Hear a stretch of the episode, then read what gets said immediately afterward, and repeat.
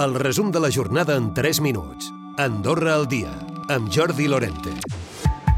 La cooperació duanera i policial entre la regió francesa de l'Occitània i Andorra es perfilen el treball conjunt dels cossos per la lluita contra el contraband. Oferien en patrulles mixtes i la necessitat d'intercanviar informació. N'han parlat aquest dijous el cap de govern, Xavier Espot constituir patrulles mixtes a les zones frontereres per lluitar, per vetllar, per prevenir i lluitar contra el contraband eh, o el tràfic il·lícit de, de mercaderies dins del marc de les nostres legislacions, proporcionant-nos informació eh, al respecte que ens permeti doncs, ser més eh, eficaços. El Consell General ha donat llum verd al projecte de llei per pal·liar de manera urgent el problema de l'habitatge. Ho ha fet amb els vots a favor de la majoria i el PS. L'únic que ha votat en contra ha sigut Tercera Via, que no ha discutit el fons, sinó les formes. I Concòrdia reitera les necessitats de canvis profuns en el model de país. Quan a l'habitatge, dos dels impulsors del moviment polític han assegurat a la rèplica que consideren essencial conèixer la capacitat màxima de càrrega urbanística. En tot creuen que cal limitar la inversió i la gratuïtat del transport públic costarà uns 4,8 milions d'euros l'any vinent.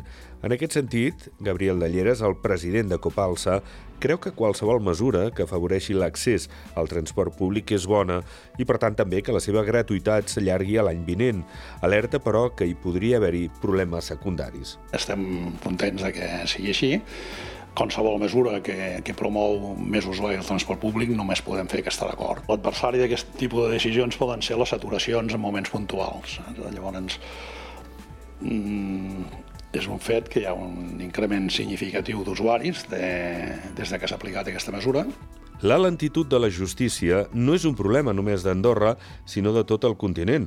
Ho ha explicat James McGill, el president del col·lectiu, que plega tots els lletrats del continent i que celebrarà aquest divendres una reunió al Principat.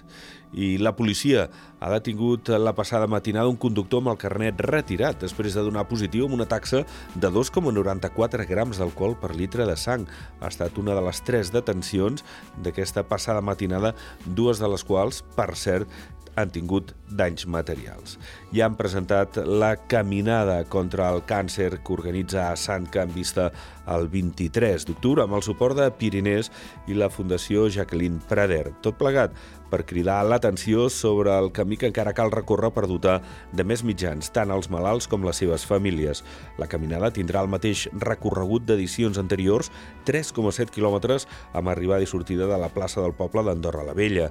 Enguany esperen arribar als 1.500 participants i superar els 9.900 euros de recaptació que van obtenir el 2021. Recupera el resum de la jornada cada dia a Andorra Difusió.